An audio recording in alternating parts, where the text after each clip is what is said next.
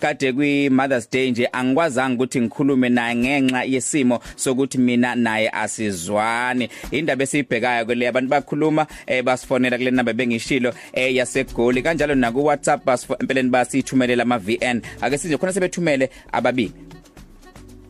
BK necrew ngiyanibingelela. Ngicela ungazisho igama lami. Eyo mina nginenkinga shame since nje ngaba khona umama makangifuna uma ngibona. And ngicine sengithola ngephupho nakhona. Ukuthi kanti sibanga nje indaba yokuthi isibongo lesangibiza ngaso ngisiyena wakhona so kuningi nje sengidlule kona ngiye ngadlwe ngulwa wangaba khona eduze kwami. Hayi ukuthi akabonanga wabona ngoba ngafika ekhaya ngopha kodwa azange wangisiza ngalutho. Till today uyavuma ngelinye ilanga ukuthi vele ubaba wami uyena lo esengimtholile. Abuyashintshe futhi nakuyena lo baba hamba yongikhuluma kabi. Ngiyabonga ngazi nokuthi ngenze njani. Mm eish. Eh ithanda kubanzima le ngoba eh yena umama ukhona kodwa mawubheka igama ke senzeke phakathi kwakhe nomama kwenza ukuthi kube nzima ukubuyisana. Kodwa ke sibange seza noma singakwazi ukumthola umama sikhulume naye mhlambe ke sizwe lomunye.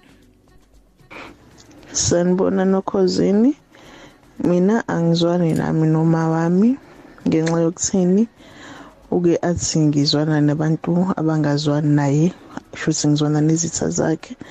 Kodwa kuyangixaka ngoba naye uyazwana nezitha zami abantu engazwani nabo mina yena uyazwana nabo. Manje angazi ukuthi ene kuphi okungasilungisa sinayi ngoba uze angihlebe nakubantu. Abantu mengabe sebebuya bekusho kumina nami ngikusho lokho engikushoyo mengabe futhi sebekuphinisela kuyena bakusho futhi ngendlela engayishongo ngayo. Kodwa nje sigcine singazweni azizwani nje kumanje kuke kwafika isikhathi sokuthi kuphuma amaqiniso ke nangami ngoba wayegane nami.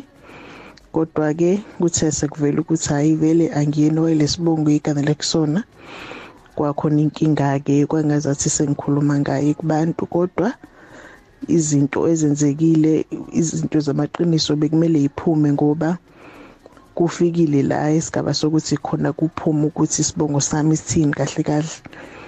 Kodwa ke azange kube kuhle kuyena lokho kwangazi ukuthi manje bese sikhuluma ngaye kanjani njani. Kodwa ke angazi ngiyafisa ukuthi kulungiseke ngoba igcineni ngiyamthanda uwumzali wami.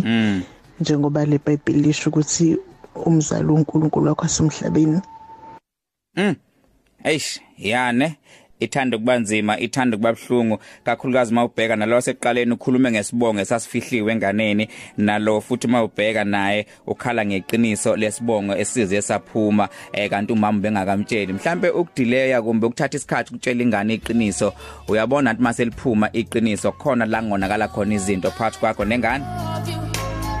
Ricardo I love you daddy. Siyabuya. Eh sofonela eh nabanye sikhulume nabo bukhoma besitshela inkinga zabo sibheke nokuthi singayilungisa kanjani. Bengifisa nokuthi happy mothers day kodwa ngangakwazi eh engicabanga ukuthi ke baningi kakhulu abantu abathintekayo ngoba khona sesikhulume nanaye la okuyena ke esizozwa kahle udaba lakhe eh lapha ke uthi PK noma igama lami ngalibiza mfethu sengihlupheka kakhulu. Angikwazi ukuthi ke ngilishiye kumbe ngilifihle igama lami. Anginankinga mfethu uthi igama lakhe uThamsanqa unenkinga eh lapha ke noma wakhe eh uthi ayi ngathi akamfuni. Thamsanqa asikubingelele sikwamukele emsakazweni ukhozi. Yebo singibona njani maqingwana Siyaphila mfowethu eh ngathi line lakho uthanda ungabe mhle kahle hle hle hle hle. Okay. Ame ngisuku ngishintshe indawo. Sokunjani manje? Okay kungcona mhlambe ke sizame size ukuthi mhlambe singakwazi ukuthi eh uline uqhubeka ube ngcono ngokuhamba kwesikhathi. Yebo. Mfethu sikhuluma indaba ethinta ukubuyisana kumbe ubudlelwane phakathi kamama nengane yakhe. Wena uthi umama ayi anitholani kahle. Kwenze njani? Eh lana ngicingwane lento yaqala mina ngina 44 years manje. Mm. yaqala ngise teenager engitshela ukuthi okay mina simsumbola mina wangichazela ukuthi wabo sihlahla isibongo sami sihlala ngibiza umbuyisa. Ngoba baba walobola kodwa ke walobola kugogo wakhe sehlukene nomkhulu wakhe. So kuthe bengikhula ngithola impinganyana ngasothi sengama walobola ke ngibonqonisa inkomo zikababa ngesekhaya kubuka amalume kumfo wabo. Ngahlaba imbuzi ngashishena imkhono sibonga ufana sakamboyisi ngoba ubaba ngimazi ngathi simndini wakhe. So konke mekwenza mekufuna ngangikwenza. So kwathi labo ilanga la ohlele ngihlaba khona into engifunda ngicaphethe mangina 16 years. Isonga nasekhaya lengilama ezithu umfana intombazana nomfana esiloko lomini baba lo ngamthole emva baba yeah. Manje sorry say ntombazana ngizwa into engiphatha kabi la ngaphandle uthi wanje wena into endlela oyiphatha kayo ayikho yinhle yabo? Kusho seqala ukujola and futhi manje abafana basibadubulana ngenxa yayo. So manje ngiyakhuza ke ke uma emagama wakhipha wathi ngihlushwe yini mangabijole ngizoyilala yini? Yabo. Bese ngibona yobe kubo la nilami ekhaya nginalo. Bese ngibona into ukuthi siqinile noma sihlazi fanele enkawa ngiphuma ngiyibonele. Ha. Hey ngahamba ngoshaya isitapa ngicabana namasonto ngenhlathi babe ngishaya isitapa wekwazi ukungimela ukuthi ngicabana namasonto bengiyafunda. Ngafunda from standard 5 ngifika zafika matric. Ngabe nesuku lepho ukuthi ngibe nomuzi ngenhlathi ngaba nawo umuzi yinawo ke so manje into isiphumele singaneni zami amawela ami ilanga ngibe ngibuye ngoxolisa kuyena emva hlale 3 years 4 years. Mm. Mhlambe sexakekile ngithola imessage kamfuthu mawuxakekile ngifike ngiphathise bese ngiyavela kumasibuyisana kube ngcono kube ngcono kube ngcono. Ngithaye nomuntu mhlambe ithi ngizama ukumcela angamfuni umuntu. Ngiyeke lo muntu loyo ngithola omunye umusha. Akuye kuye lo musha athi amkhonza aphinde amyeka amgxeka sine lo abomngane lomdala hawu. Lo kade ngamfuni. So lethe hlamsenze ikhawe ezi ezine. Okugcina nje kade ngiphile imali kade ngisebenza khona ngingasasebenzi ngamcetha ke ezohlala nami la.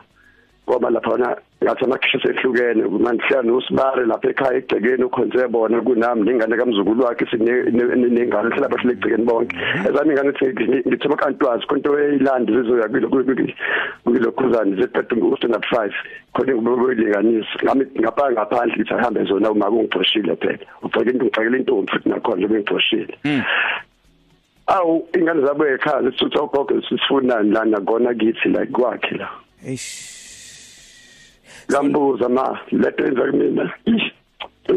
Hey mfo. Ingane ufike nazo ekhaya uyilethe gogo wazi ngoba akekho umunye ugogo ongazisa kuyena ugogo uyibuza amagama abhlungu futhi awasho nakuwena. Yebo futhi. Okay into engithandayo le ukuthi ukwazama ukuya kuyena umama ngenhloso yokuthi ufune ukuxolisa eh kuyena ungathatha mhlawumbe isinqumo sokuthi ngcono ubaleke usuke eduze kwakhe ungamnaki ungamfoneli ungamondli kodwa ubulokhu uzama ukuthumela eh ngenhloso yokuthi ufuna ukubuyisana nomama kodwa ubuka sengathi akwenzeki. Hey ngiyabo lesimanje siparamanga lesimanje ngathi ngaphuza utshwala ngithi uthi ngisibini ngiyekuyena. Ngathi ngifika kaningelene sabona ma bephelele nosibari lahla nabegcekeni wathi ngibiza njengoma wakho wena. Ngalinga nje lisho logama lelo.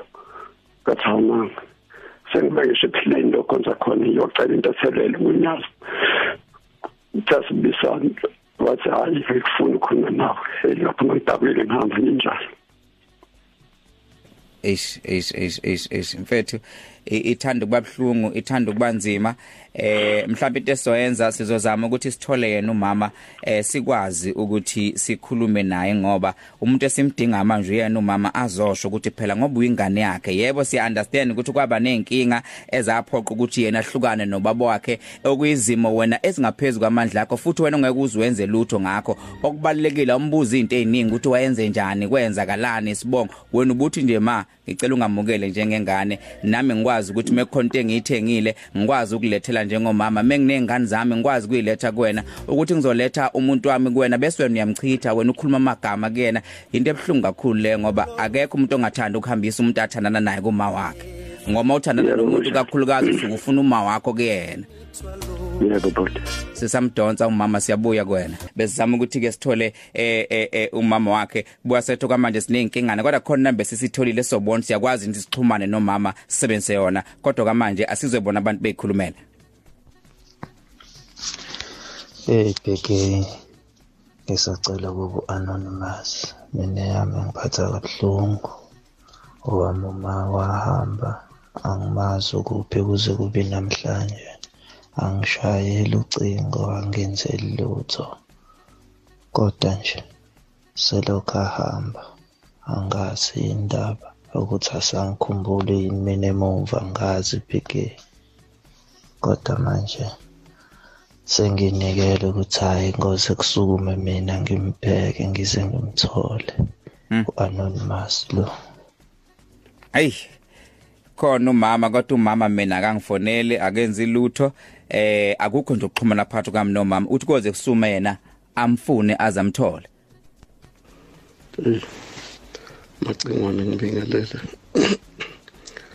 Ngizozisho mina igama cause ngiyalidinga usizo. Ngiwuphumlani ngokandaba khabo sesikhothi but ngila eLady Smith. Ngingami ukuxolela uma wami. Because uh, lo mama wangilahla ngikhule nje ngingamazi uze washona cishe bengifunda ugrade 10 so angaze ngijabule impilo yami yonke because ngikhule nomama ekungayena uma wami. Kodwa namhlanje ngicabanga ukuthi ngisathwele isono sikama ukuthi wathandana nobaba ubaba evele eshadile. Inkinga yami ngilokhu ngikubambile lokuthi why umama angilahla so angazi? Ngiyalidinga usizo ukuthi ngingaxolela kanjani noma ngimxolele kanjani? Eish ibhlungana le ngoba uma thandana nomunye ubaba wafika washada eh mase ngcwadi uzongcwatshwa kuyo lo muzi. Uma ungaziwa wena futhi angaze akulethe ungcono nomuntu owavela ukuthi naye ingane ufika nawe umama emshadweni. So nama ungaziwa njengoba nomama futhi esezadlula emhlabeni khona kuukuthi ke uyafisa ngoba khona umuntu njengamanje sazi ukuthi izolo kade kuyi Mother's Day uhambe wayethunene ephethe imbalo afike kwaguqa athi mama ngiyazi ukuthi sewahamba usekho emhlabeni kodwa wangishela emhlabeni ngisaqhubeka ngiqhubeza igama lakho ngiqhubeza eh, ilegacy yakho emhlabeni. Bonke izingane zijabule nomama wazo kakhulukazi abaphilayo. Mina ngizothi nomulele la happy mother's day. So lo umfethu okukhulumayo uphucwe ngisho lolo thuba lokuthi akwazi ukuyokhuluma nomama wakhe. BK yeah uma wakhe wamthola ethandana nobaba oshadile. Hey madoda. And and and icabanga ukuthi u- ume ume emthole ethandana nobaba oshadile. Hey yeah eh. and and wamthola ngoba uthi wamphika kodwa akamazi Eh, ngendlela ekuyona ufana nomuntu wamlahla. M- akasakwazi nokuthi aye lapha ya. Ngoba phela fanele kulwamuza ukuthi mama maseshona izongcwatshwa kulwamuza ashadele kona. But mawumuntu ongaziwa uzongena kanjani? Alright ake sibheke ukuthi eh u- u- u- u- uThabang sizoyimisa kanjani? Eh, empeleni uThamsanqa eh soyimisa kanjani indaba yakhe? Ngoba cha sesizamile imizamo yokuthola umama kodwa umama asikwazi ukuthi eh simthole eh kune number sesitholile kuyona esoyisebenzisa eh la ekuthenini eh sikwazi ukuthi eh sixhumane naye eh umama ngoba egcineni siyafisa ukuthi naye ayikhulumele eh umama eh siza ukuthi kahle kahle lenkinga lengqinamba engaka negcina isithwelwe ingane yakhe siyilungisa kanjani? Khuluma indaba ethinta ubudlelwane phakathi kamama nengane yakhe phakathi kwengane nomama ukuthi besifisa ukuthi happy mothers day kodwa kwenzekalanga ngoba ubudlelwane abukho bona. Kunomfethu besikhuluma naye la uThamsanqa sesizame ngayo yonke indlela ukuthi sithole eh, umzali eh, akwenzeki. Eh, Thamsanqa?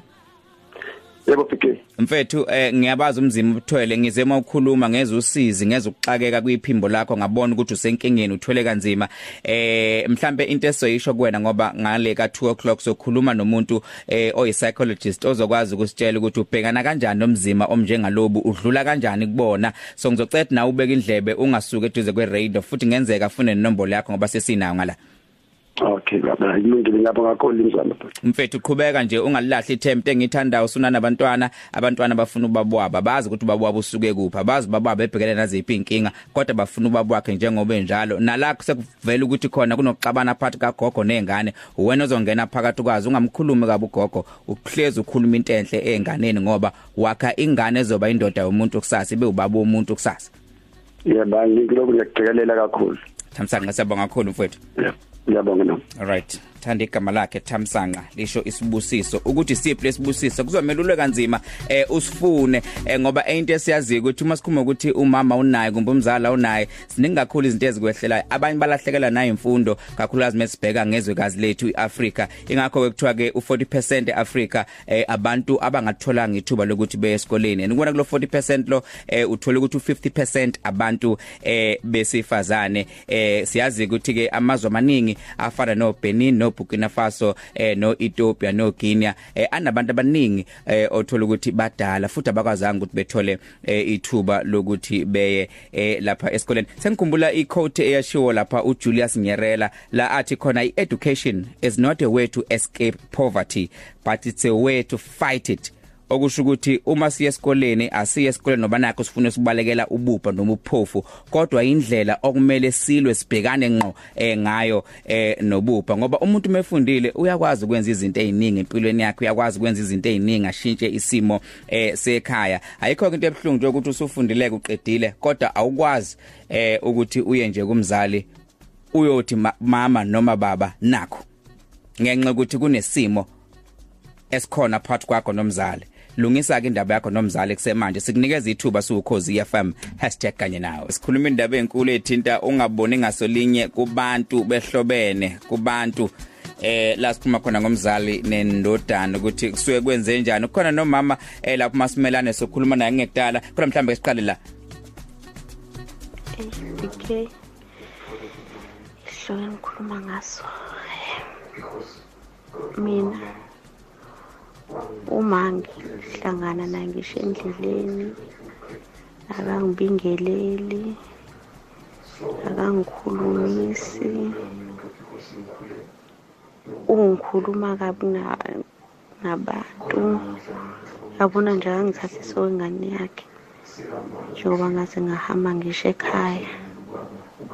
Angazi ukuthi ngamenzani kubuhlungu ngoba mina ngiyafisa ukukhuluma naye.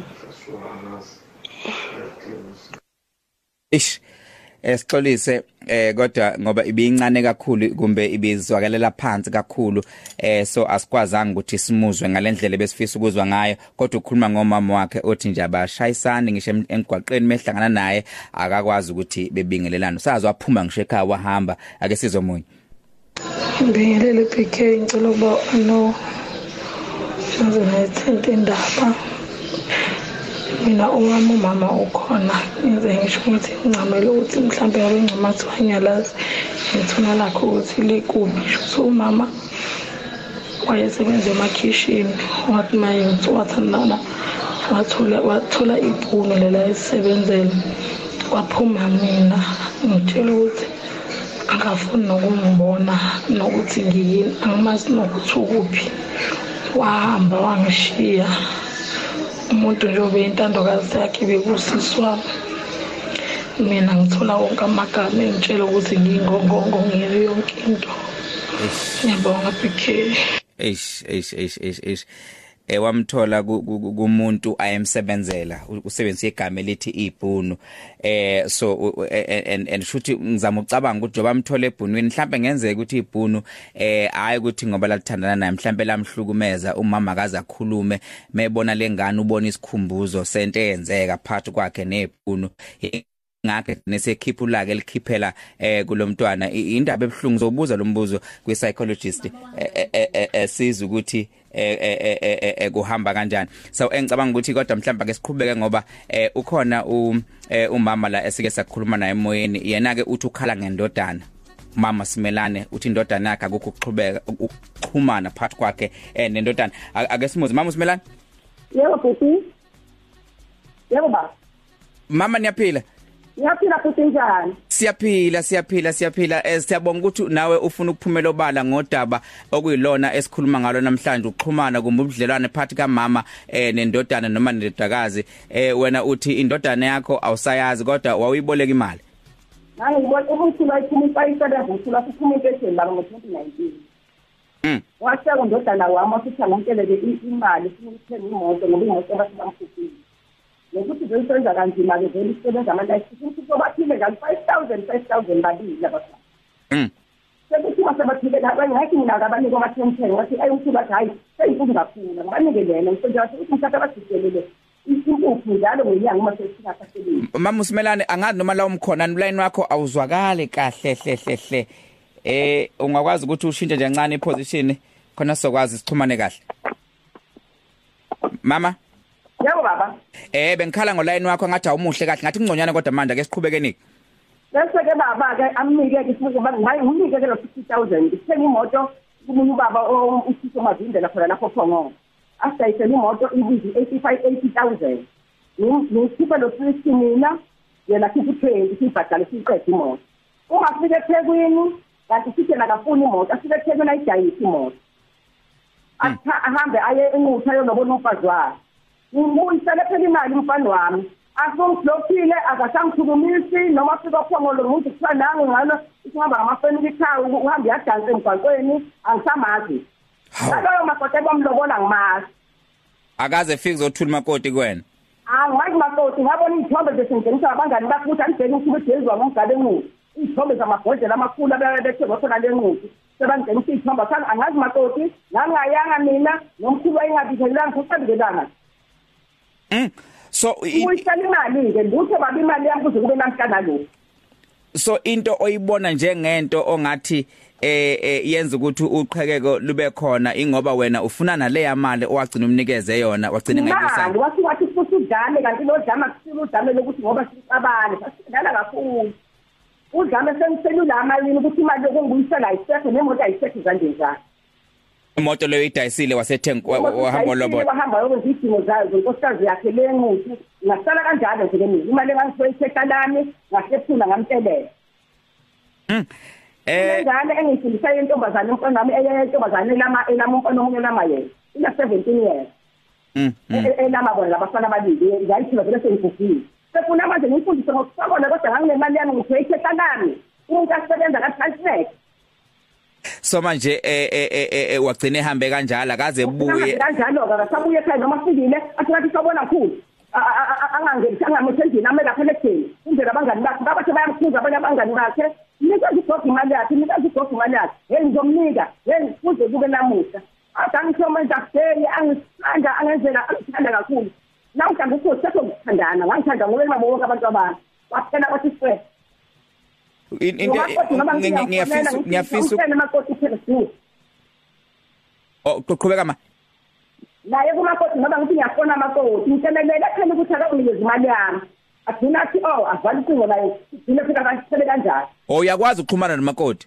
Ngakaxhumana vele sengitshela naye lo makoti lo sasaxhumane kanjalo sithi yena angivale vele nomatombi yakhe ukuthi ingaxhumani naye angiyazi nangamese ukuthi ngayithoma nje ukuthi naye nakhona ngaze ngathola inombolo yayo. Komunye umngani wakhe. Wathi ake ngizame yena mhlawumbe ngizombonisa aboniseke lutho. Ngicabanga ukuthi ke ngoba siyazama kumthinta la undodana ucingo lakho lingena ku voicemail ngenzeka ukuthi ulalele usezwile nangu umama esebhoke emsakazweni. Eh mhlambe sizozama ukuthi sikhulume hayi emoyeni khona sokwazi ukuthola nenombolo eh kamakoti. Sizi ukuthi umakoti ngiyakwazi ukuthi usisiza eh asixhumenise nendodana. Kwana umakoti simbuza ukuthi hawu umakoti eh phela masufikile ekhaya kukhona ukushayisana phakathi kamama nendodana awukwazi ukuthi kube khona okwenzayo ngenhloso yokutshala eh eh ukuthula? Hayibo hayibo yangilela ukuthi uma sebenza emalini engaka isiofishalukazi sithi sesifile unkulu wakhona ukonsesheni ngonyaka ozamzama ukonsesheni kodwa yena uhulumeni angathinzi ukuthi ingane encane kanjani isikwalisalukazi sidala kanjani ugogo njani? Okay. Ngoba ukuthi umuntu wazi ukuthi thina sirodwa ngamanayijeka abantu abangaphandle ukuthi ungirobhile ebhange wabaleka Cha mama siyakuzwa siyakuzwa. Eh mhlambe ngiyafisa wema ukuthi eh siye endabeni njengamanje eh bese siyakwazi ukuthi ke eh ngale siqhubeze kumbe siqhube siqhube le ndaba ngoba into ebengifuna ukuyibheka nje kakhulu mhlambe singayibuza nakuyena ukuthi awusenendaba nokuthi abuye yena nomakoti nengane into esuyifuna nje imali yakho? Sayika baba nje imali yami. Eka nje mntana nami imali yangena yachayena kulungile yena kanjani mina nje uma nginikezele 50000 wami ngiyothi othi ngiyisithi awusela ndaba naye yena uyabuya ngiyazi ukuthi egcineni nginika ngiyamzali yogcina buyini Alright eh siyabonga kakhulu ma kodwa sicela sicela ukuxolisa nje kule ndawana othema ukhuluma wasufaka ukuthi eh kunabantu abanihlukumezayo washo ukuthi obani thina sivunyelwe ukukhuluma into enjengaleyo la emoyeni. Eh siyafisa ukuthi siyixolise lo nkulumo evele kanjalo. Eh ethi eh obani abantu abanihluphayo ngoba eh eh akuyinkulumo esingathi inobuqiniso. Kakhulu nje obasizwa la emoyeni. Eh into nje nawo isho ngenxa eh yobhlungu onabo. So siyacela ukuthi sihoxise lo nkulumo. Khona ke usifiso nkabini lapha eSweet Waters? Uthi ungathi wena wedwa onezinkinga eh la eminyango uthi ngikulalele BK kanti la uncane wakancayane Harding uthe nje BK eh sindawonye mfowethu sanele makhwembe. Uthi igazi khulu kule show uthi pick up guys. Kanti ngiyambona uThamsanqa wakamahlambi uthi yo namhlanje kunzima kakhulu ekhosini FM gcinile eh lapha ke eh mashamase eh, lapha ke kombuzi uzokhumbula kombuzi ukuthi siyibiza ukuthi nje gogoat eh uthi inzima impilo phandle uthi usizi lodwa lele #kanye nawe. Kanti umthobisi_ngubane uthi eish lolu hlelo eh lujule kakhulu. Uthi ke uyabona nje ihloko zakhona ezikhulunywa la ethi zithinta abantu ngqo. Wathi keep up uh, the good work guys. Kanti uduma mazibuko MJS uthi BK eh udouble kaThamsanqa libhlungu kakhulu nakimi uthi kuyezwela. Uma nje exoxa ngicela ubhutu akubike lokhu eh insuku zonke kumdali akhulume eh nabakubo noma ke abamthandazise insuku zonke kumdali uthi konke kuzolunga. Ulapha ke eloscope ema. Ya isemakekeni. Ya igama lendawo emakekeni what eh kanye nawe emsakazweni ukhozi FM right ayisiqhubeke sizwe ama VN Hello PK eh ngiyasizwa isihloko sakho sanamuhla eh ngeke ngizisho igama kodwa nje eh isihloko sakho singithinta kakhulu ngoba uma wami umuntu engakuthi uthi wahlangana nobaba wami besithola ingane wasithola thina nomfowethu wabese ke uyahamba yakubo khake bebangasifuni sisebancane bala ukuthi vele siye uma siye khona vele sasishaya sijike sibile kubo baba uthi uhleli manje sengikhulile manje ngiyakhaba umama kepha nje ayikho leyo communication engako ngathi ungayikhuluma naye ngoba ukhulanga naye awunalo lo thando lungako ngathi ungalipha uma ngoba naye kusumuntu okhuluma nawe ngalendlela leyo. Uthi uyakhaba ubaba wakho uhleli khaba ubaba wakho nakhona makuhleli nje kunomsebenzi nithi niyakhuluma uze bakutshela ukuthi umama wakho angena umfazi wenye indoda. So inzima kakhulu nje ifuna eshinzima kakhulu asazi ukuthi singayidlulisa kanjani. Ey yane. BK mina yami issue nje inkulu kakhulu angazi ukuthi ngizothi sabangane noma futhi ngendlela ekuyiyona. Nami sengize ngayitshela nje ukuthi hayi ikulungile azilime eziyetsheni ngoba hayi angazi ukuthi kwenzakalani. Yebo kona mangibuka ishu isuka ekuthaneni mhlasimbe akazange angikhulise ngizikhulise lo gogo kodwa ke lokho anginandaba nako mina ngingokwami angazitshela ukuthi mhlambe lokho into engingayinaka kangako as long as ngithole yena. Kodwa mangibona ukuthi mangisondelana naye ngithola ukuphoxeka okukhulu nje okuqhamuka ngakuyena nokungena nokungangeseki. So ayi ngcono ngiphume kuye ngibuyele kwi-life ebengivele ngiyiphila. Angimsenandaba nje. Khona noma akekho ufana nomuntu ongekho kumina. Hey usuka afike leso sikhathi la khona uthi ayingeke umama ngiyamdivorce. Ayikhona umama sengimfaka kumbe sengimbeka njengomuntu ongasekho emhlabeni o umama athi indodana noma indodakazi yami sengiyithatha njengomuntu ongasekho emhlabeni. Hey madoda. Ikhona kodwa i-psychologist nombulelo khathi siyahlonipha ukuthi uthe igama lakho uyafuna ukuligodla. Kodwa lami ungalibiza Eh mfowethu u right kodwa. Ah ngi right mfowethu eh singezwe kuwena ngoba sikhuluma ukuthi namhlanje eh umsomluko izolo bekuyisonto kanti kuyi Mother's Day. Wena ukwazile ukuthumelela eh isipho noma nje SMS kumama? Awulutho mfowethu lutho bigel. Yini?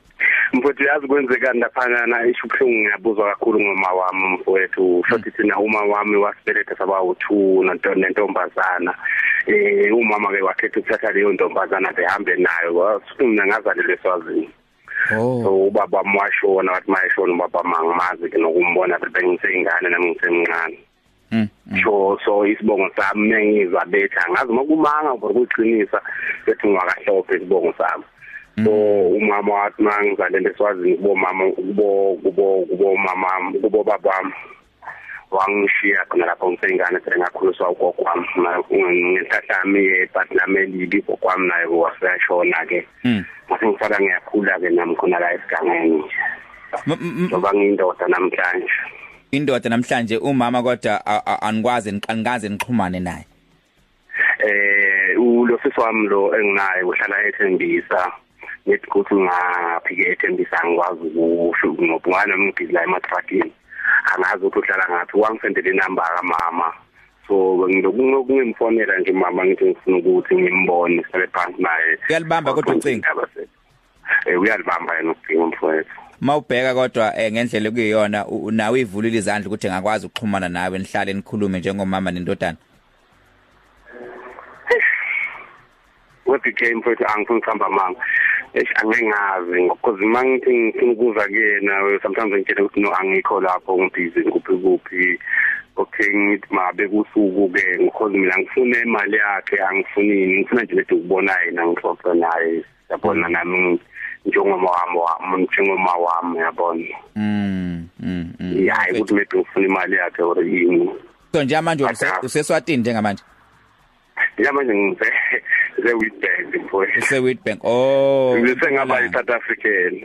No mfethu driver ama truck vele e South Africa. Eswazini esekudala eswazini ukuthi basho nabo ngabantu akusekho umuntu ophilayo eswazini engacebisa ngakho ukuthi eh ngoba niyakwazi ukuxhumana noma qhubeka uxhumane naye umncenge ukuthi ma ngiyacela ukubona mawufike kuyena ufike umtshele umama ukuthi yebo kwaba nezinkinga lapha nalapha kodwa egcineni ma into engiyifuna ngifuna wena njengomzali wami ngimisele nami njengomuntu ophila emhlabeni owenza amaphutha ukuthi nawe mawaba nephutha ngixolele engikufuna uma wami. Ngiyabonga mkhulu ngiyabonga mfowethu. Mfethu ngiyabonga kakhulu. Ngiyeza ukuthi use trucking lapho eh, iyasha eh, ngampela ke insimbi yomlungu. Kodwa futhi ubeka indlebe yakhe la eh, emsakazweni eh, ukhozi FM isikhathi imzuzu ngamashwabini nambili lishaye lapha ke ihora lesibili. 22 minutes after u2 o'clock. Kanye nawe eh, sikhuluma indaba ethinta wena ngqo eh, usekhaya. Ngoba sithi mokuthi umzala unayo suukhozi FM sumzali mawudinga umfowenu usuukhozi FM sumfowenu khuluma nathi ake sizwe ku WhatsApp ama VN Sanibonani emsakazweni uhloniphele inkosi lo eFriday esigidini sasemhlongo farm mina ngahle kahle nje thina. Soba u4 amantombazana awu2 abafana bawu2 umama washiya nje sibancane kungenzakalanga lutho sakhuliswa ubaba. Ubaba ngiyamthanda kakhulu. Ngimthanda kakhulu. Wasikhulisa sizingane zamantombazane wasikhulisa kuze kube manje sibadala sibadala kakhulu. Umama nje yethu akayazi. Ukhona kodwa uyaphila uhlala nomunye ubaba thina kanandaba nathi. Kumanje nje kwashona umfowethu watshenwa akazange azafike. Kwashona ingane kadadewethu watshenwa akaze afike nje usilahlile vele sinamama nje. Ngiyabonga but BK mm hey sibonga ubaba. Molweni apho kukhozi. Siyabonga njike njikelo lapha emthatha. Hayi mina msasazi owami ndamdivosa since wandifihlela utatam akafuna ungixelela ndimzama. Since ndikhula ndimbuza. Wa-end up esithi mandikwazi system mandiyilinyaze system father bandishiya besithi ndifile kanti ndiyaphila. Ndancedwa yifriend yam ndavuka esibhedlele. Kulapho ndazibona khona uba yena uyafana nomuntu ese wangcwatywayo kwelam icala so andimfuni noba makasondele ezintweni zam.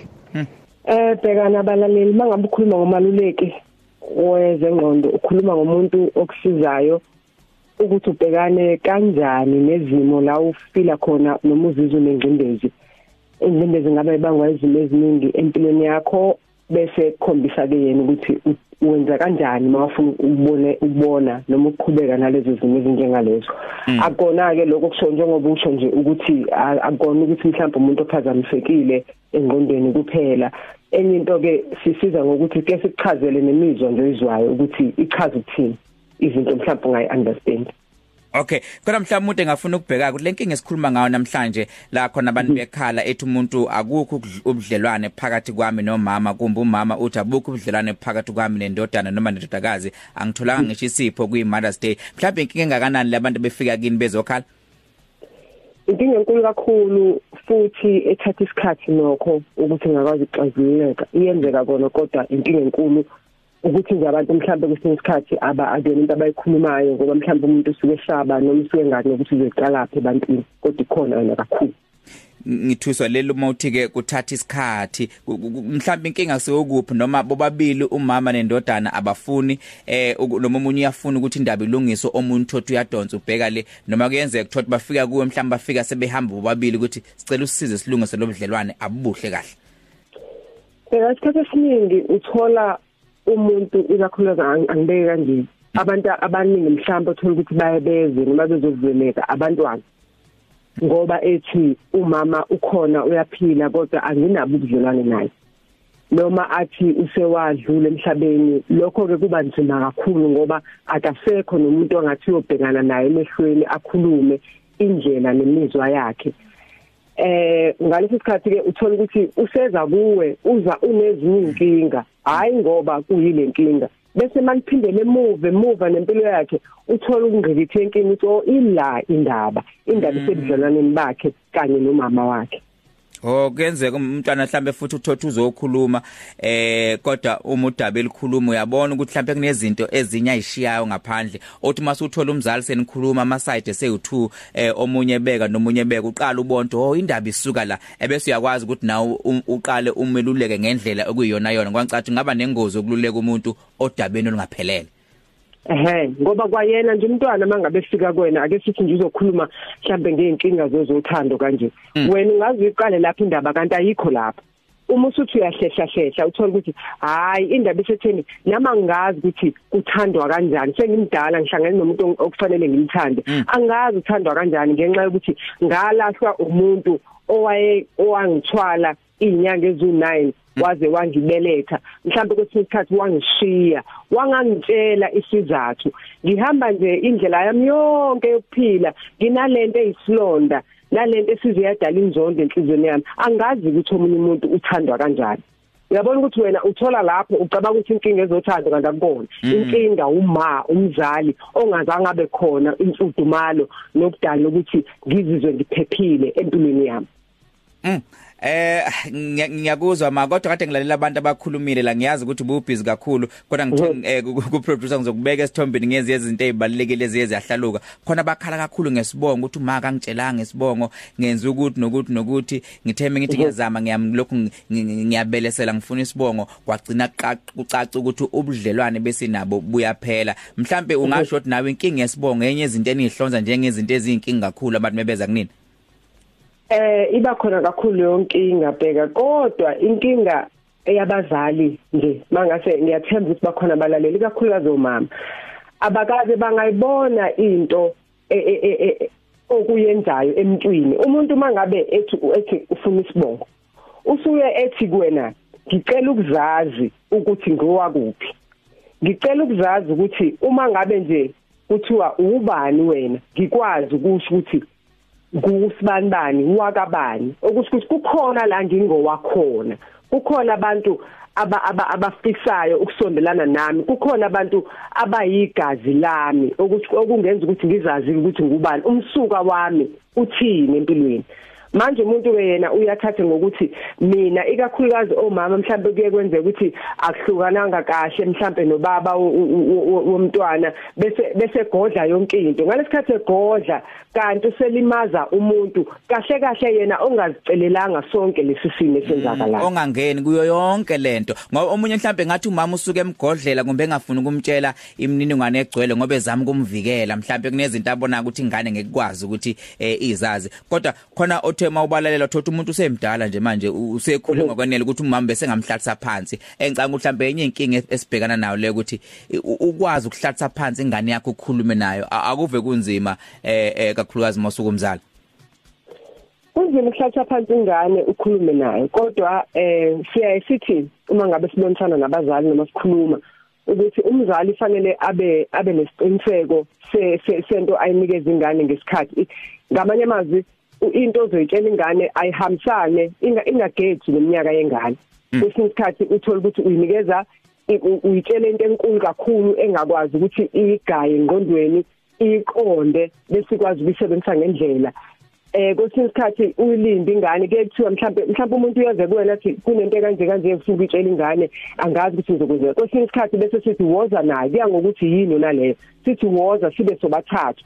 Masenze njalo senzelani? Senzela ukuthi ingane nayo ibone ukuthi ngoba mhlambe futhi umuntu mayisemdala ke bheka usumtshela ukuthi cha umthetho wakho wena wala nowala nowala kanje kanje. Mhlambe sengenza ukuthi nigejane nangomqondo mhlambe kuze kuba khona ukucabana mhlambe umzali bese ethi ngiyasaba ukuthi ngibhekane nayo ubheka ngimtshela ukuthi kahle kahle ngowala noma kahle kahle nansi into eyathi xabanisa mhlambe mina nobaba wakho noma kahle kahle nansi into edala ukuthi mhlambe ngiqhele kuwena noma ngakushiya la yazi bheka abanye abantu uzala umntwana bese mshiya nomngaba mm. Amshiye no acele nje kumngane ukuthi mngane ngicela ungisalele. Uyena uzitshela ukuthi kungcono ngoba ngimlahlanga la ngingazi khona.